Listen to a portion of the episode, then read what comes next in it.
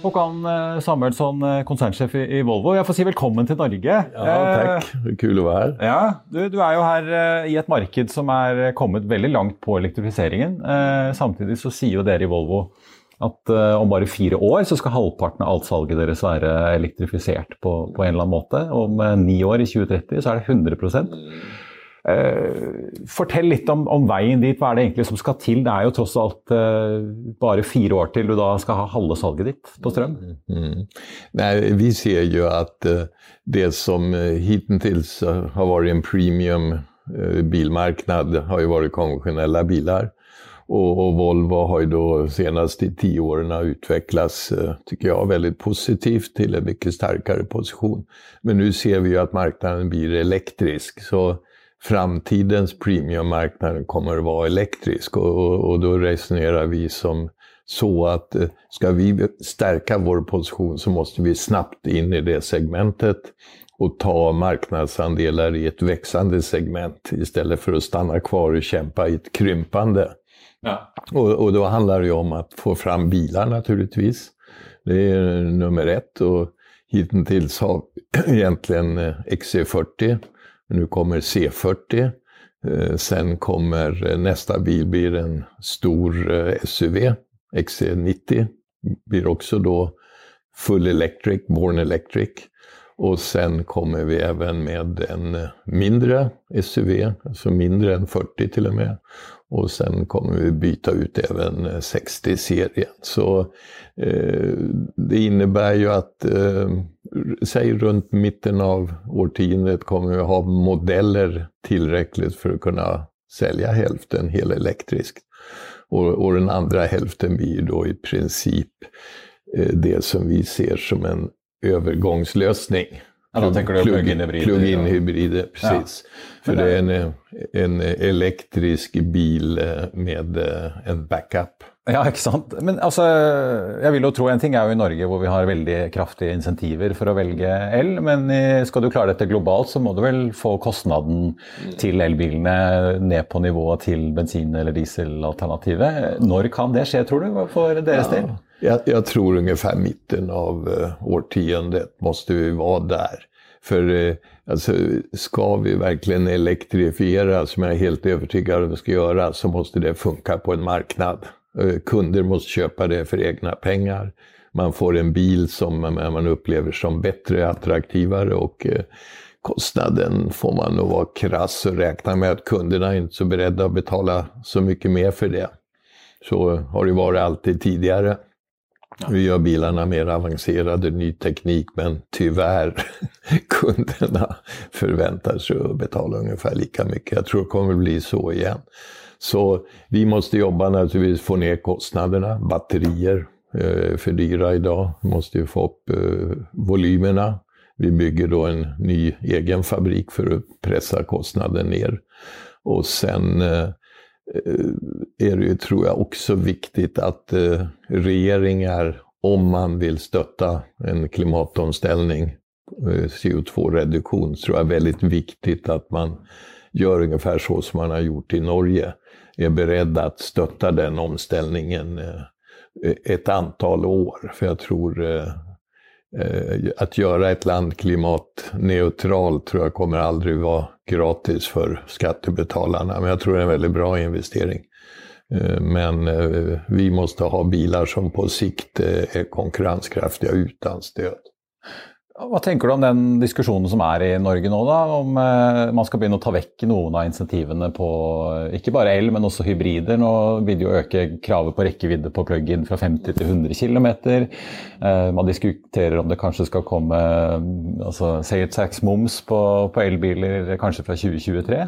Är det er det for tidlig, eller skjønner du disse politikerne som begynner å tappe mye penger på inntektssiden til eh, statsbudsjettene sine? Jeg tror man realistisk får man alltid regne med at eh, sånne incitament kommer å trappes ned. Så jeg tror jeg ingen større overraskning. Eh, det som tror jeg er viktig, det tror jeg også alle regjeringer kommer å titta på, at man vil ändå säkra att man får en övergång. Men man behöver säkert betala lite mindre vart efter åren går. Så tror jag kan bli ganska Eh, en eh, naturlig utveckling mot eh, den kostnadssänkning som vi jobbar med. Så, så för kunder kommer det ändå finnas attraktiva elbilar. Jag tror man aldrig kommer att uppfatta att en bensinbil eller dieselbil plötsligt blir attraktivare. I så fall trappar man nog ner incentives kanske för snabbt, men eh, jag, jag tror att eh, det man gör i Norge är eh, ingen större överraskning eller något vi får räkna med. Vi måste kunna sälja elbilar utan incentive på sikt.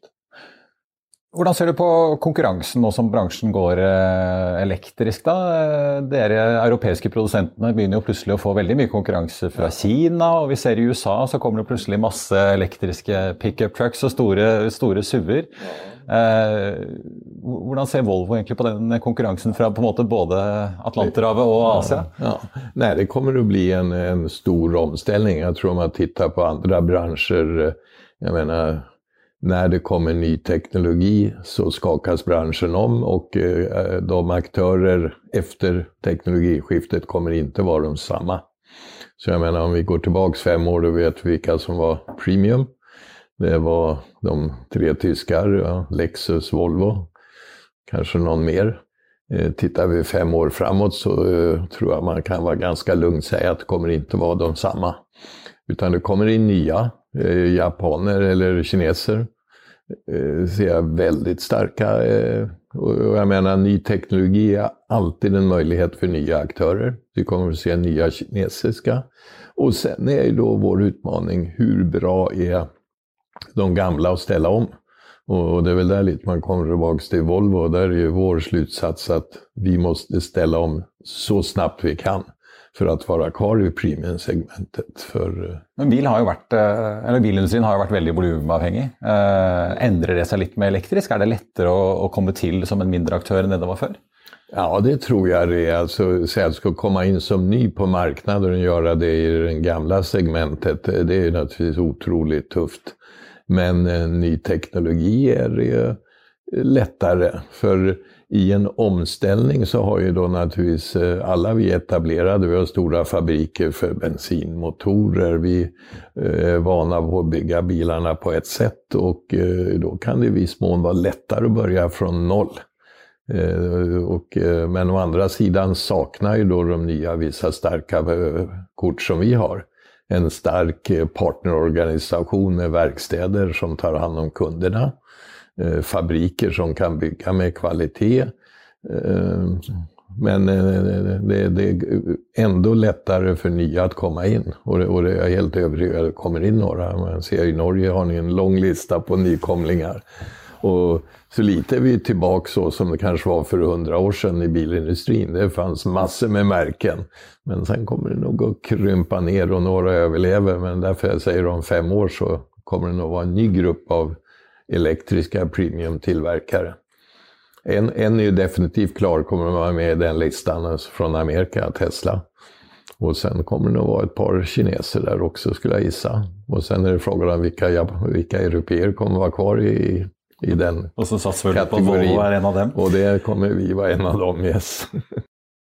Du Håkan, jeg må spørre deg. Dere er jo et, et, eh, gammelt og tradisjonsrikt bilmerke som veldig mange nordmenn har et forhold til. Men dere er jo eh, På én arena er dere jo ny, og det er jo på børs. For dere gikk jo på børs denne høsten. Eh, Europas største børsnotering hittil i år. Fikk jo selvfølgelig veldig mye oppmerksomhet. Dere har fått inn ca. 20 milliarder svenske kroner i kapital. Hvordan er livet som børsnotert? Er det en stor forandring, eller merker dere ikke så mye til det, annet enn at dere har fått av friske penger på, på konto? Ja, jag skulle säga korta svaret nej, jag märker ingen större förändring. Jobbet är detsamma och vi har ju agerat som ett börsnoterat företag. Men det som är viktigt med börsnoteringen är att vi eh, vill då genomföra den här snabba transformeringen och det är naturligtvis inte gratis. Och eh, vi kommer ju tjäna pengar. Men under fem år som kommer, exakt vad som händer med marknaden. Eh, det brukar alltid komma regniga dagar. Så jag tror det är väldigt bra för oss att nu säkra finansiellt eh, det som behövs finansiellt för att göra transformeringen. Även om, om vi ser en regnig dag framöver. Så det är ju den eh, stora eh, fördelen med att vara börsnoterade. Också naturligtvis man har tillgång till equity-marknaden, man kan komma tillbaka till sina aktieägare och, och så vidare. Sen tror jag också att det gör Volvo ett eh, mer globalt. Jag menar, vi säljer bilar över hela världen. Vi har fabriker också, globalt produktutveckling. Så jag tror väldigt naturligt att också vår ägarstruktur blir mer global. Mm. Så jag tror det är en, en fördel för, för Volvo. Så jag, så jag, jag tycker vi både blir mer globala och mer svenska. På en, en börsnotering. Och, och jag tror också vi ska ha en ambition att bli betydligt starkare i Norge, men jag kan komma tillbaka till det. ja.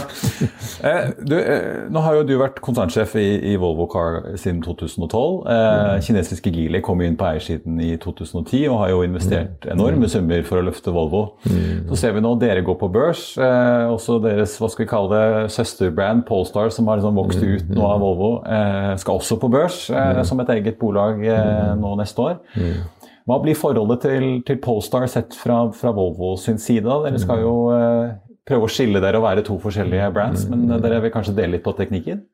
Ja, eh, man kan säga man går tillbaka lite hur vi tänkte. För en fem år sedan såg vi att elektrifieringen kom. Men då såg vi också att för att verkligen vara ledande inom elektrifiering kan det vara en fördel att ha ett eget varumärke som är så att säga Born Electric helt elektrisk. Vi tittade väl på Tesla och såg att, eh, att det funkade. Däremot att bara göra en elektrisk Chevrolet eller en elektrisk eh, Golf eh, var inte lika framgångsrikt. Så då, då, sa vi om vi ska vara snabba så är det någon fördel att ha ett eget märke. Så vi startade Polestar, det var ett eh, varumärke vi hade. Så vi gör det till ett eget elbilsmärke.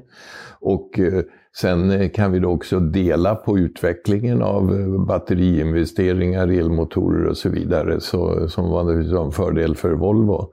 Samtidigt som Polestar då som nytt varumärke blir väldigt trovärdigt i och med att man behöver inte börja från scratch. Vi kan hjälpa dem med utveckling, eh, service, jätteviktigt. Volvo Partners servar ju Polestar. Så i slutändan får man då, kan man säga, ett, ett varumärke som är elektriskt, helelektriskt. Medan Volvo blir elektrisk eh, under de närmaste tio åren. Så det är tio års skillnad i elektrifieringen. I slutändan kommer naturligtvis alla bilar vara elektriska, både Volvo och Polestar. Eh, men då har man så att säga ett eh, varumärke som Volvo, säkerhet, eh, miljö, familjebil kan man kalla det så, man förenklar lite. Och då har Polestar som är betydligt mer inriktad på ja, performance, helelektrisk, avancerad design. Och, och, då får du i slutändan en, en högre volym tillsammans helt enkelt. Säg lite som Volkswagen och Porsche med, de är också intimt förknippade med varandra och kan inte delas men tillsammans blir de starkare. Så, så ser jag på Polestar och Volvo. Til slutt vil jeg spørre deg om denne veldig famøse chipmangelen, som jo påvirker mm. både dere, Polestar, og de mm. fleste i bransjen. Dere skriver jo i kvartalsrapporten at hvis ikke dette bedrer seg, så, så vil salget ende flatt nå i andre halvår. Mm. Eh, hvor lenge tror dere at det varer? da? Når blir det løst? Jag vågar inte göra någon prognos på det.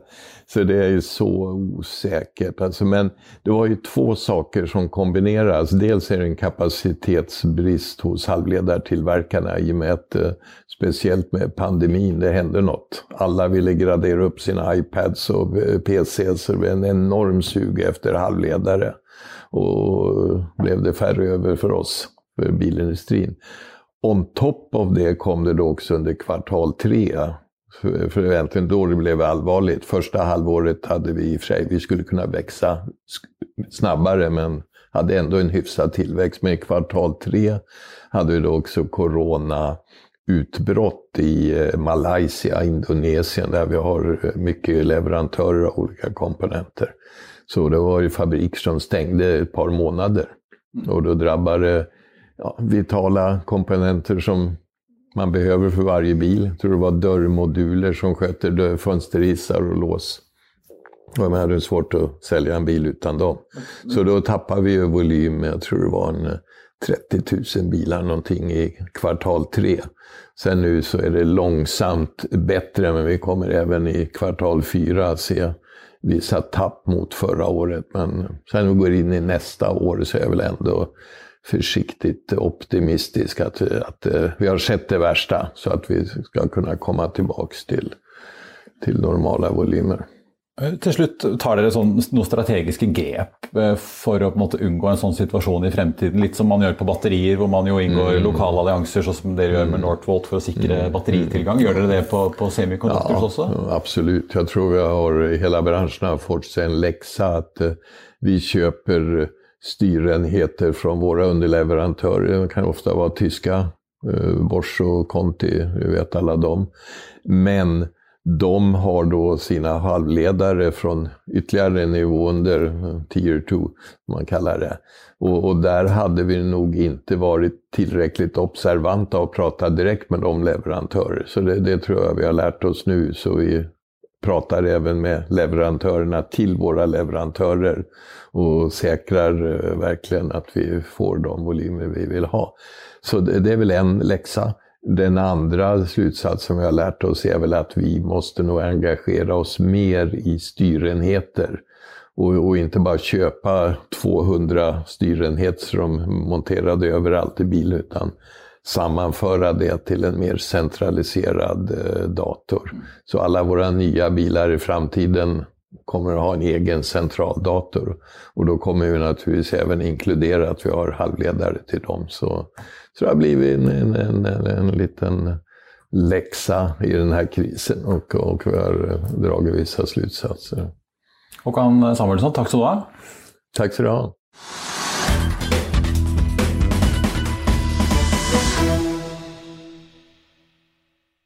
Økonominyhetene er en podkast fra Finansavisen. Programledere er Marius Lorentzen, Stein Ove Haugen og Benedikte Storm Bamvik. Produsenter er Lars Brenden Skram og Bashar Johar.